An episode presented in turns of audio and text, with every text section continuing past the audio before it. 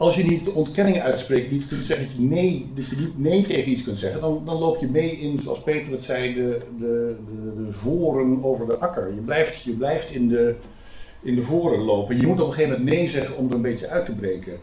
Maar wat er dan vervolgens gebeurt, daar uh, kun je ook weer met Peter van zeggen. Dat hoeft niet per se. Hè? Dus, dus eigenlijk vooral het oude is nog niet. Heb je, uh, het, het oude is niet meer, daar heb je nee tegen gezegd. Maar het nieuwe is nog niet. En daar zitten inderdaad die merkwaardige kanten aan, dat onheimische uh, van de, uh, de, de angst, van het totaalverval van alles. En tegelijkertijd ook de mogelijkheid tot verveling. En grappig genoeg is eigenlijk die mogelijkheid tot verveling misschien ook wel weer uh, de uitweg. Angst is onaangenaam. En die maakt dat je misschien te snel weer naar een, een, een positie zoekt en die positie inneemt. Maar verveling is eigenlijk een grappig fenomeen, omdat je dan uh, uitstelt. Je hebt geen positie, maar je bent ook niet zo, speciaal tegen een positie. Je ziet gewoon geen positie.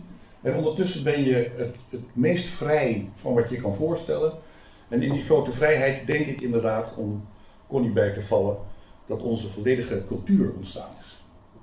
Je moet uit je natuurlijke uh, stramien breken om, om gezamenlijke menselijke dingen te gaan doen die je cultuur zou kunnen noemen.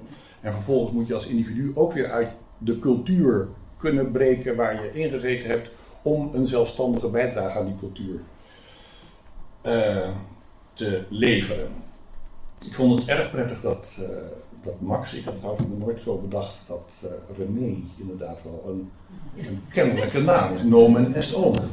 Dus vanaf nu heet ik Ilja. Dus uh, ik was erg uh, blij dat, uh, dat Max erop wees dat zowel hij als ik inderdaad een zekere, nou in ieder geval laten we zeggen, een grote interesse in de positie hebben en een zekere geneigdheid tot de positie en het willen zoeken van een positie, maar dat dat natuurlijk vrijwel altijd komt uit het feit dat je natuurlijke locus toch enigermate negatief is. Laten we even fris wezen.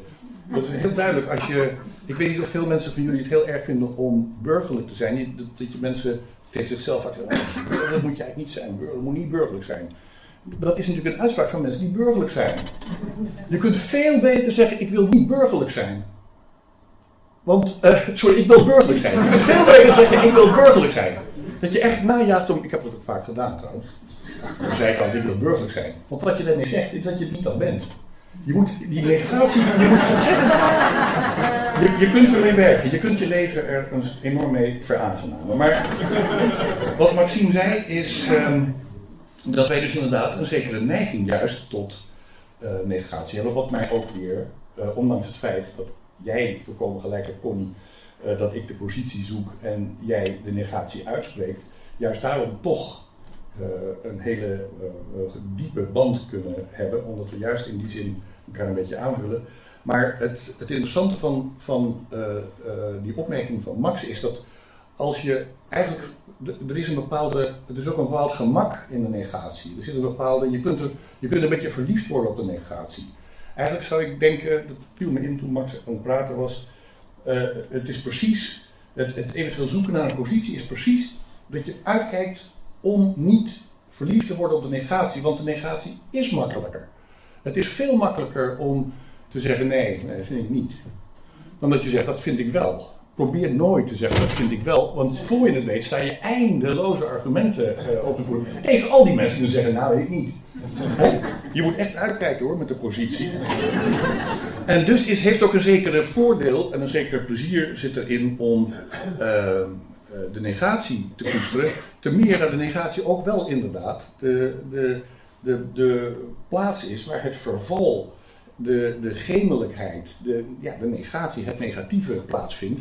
En misschien zijn wij wel zo bang aan de ene kant voor uh, de negatie en voor het verval van orde en zo bevreesd ook voor verveling, dat wij um, hem als het ware zelf oppakken en liever nog zelf de chaos produceren dan er een slachtoffer van te worden omdat het het lot is dat het jou toewerpt. Er zitten hele gemene dingen in het niet meedoen, in het iets niet vinden. En daarmee uh, kom ik ook meteen op het slot terug. Dat is dat ehm, als je kijkt naar, naar tenminste ik proefde een, een heerlijk soort uh, overeenstemming in de verhalen uh, van vanmiddag. En dat is dat de negatie niet uitgesloten kan worden. Je moet jezelf en anderen uit je voor kunnen trekken. Dat je tegelijkertijd enorm moet uitkijken dat je niet in die negatie blijft uh, zitten. Dat er een gemakzuchtig verblijf in de negatie mogelijk is. En zowel Connie als Max hebben allebei erop gewezen dat er een moeite is. Om, en, en moeite gedaan moet worden om, uh, terwijl je in de negatie zit. Dus eigenlijk zou je misschien kunnen zeggen in een soort samenvatting: de negatie is nodig. Dan is er een gemakzuchtige negatie waar je maar al te gemakkelijk in kunt blijven zitten. En er is een bewerkelijke negatie, een moeitevolle negatie. Een negatie waar je uh, tijd, aandacht en energie in steekt. En die eigenlijk ook als enig doel is om een bepaalde mate van positie weer te verwerven.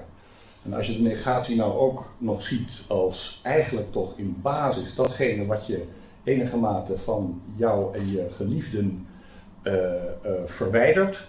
En dat je naar een uh, positie zoekt, alleen maar in die mate dat je weliswaar iets zelfstandigs bent geworden, maar nu iets samen met anderen wel bewust kunt opbouwen, dan zie je ook meteen dat je daar een heel leven mee bezig kunt zijn.